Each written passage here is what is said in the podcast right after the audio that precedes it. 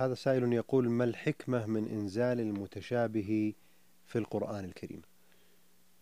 الحكمة من إنزال المتشابه في القرآن امتحان المكلفين ومعرفة مقدار إيمانهم بما جاء عن الله جل وعلا. فإذا وجد المتشابه الذي لا يعلمه إلا الله هنا يمتحن المكلف. إذا تردد في قبوله فإنه لا شك أن يكون في إيمانه خللا. وأما إذا قال آمنا به آمنا بالله فإنه حينئذ يكون إيمانه آه، كاملا في هذا الباب.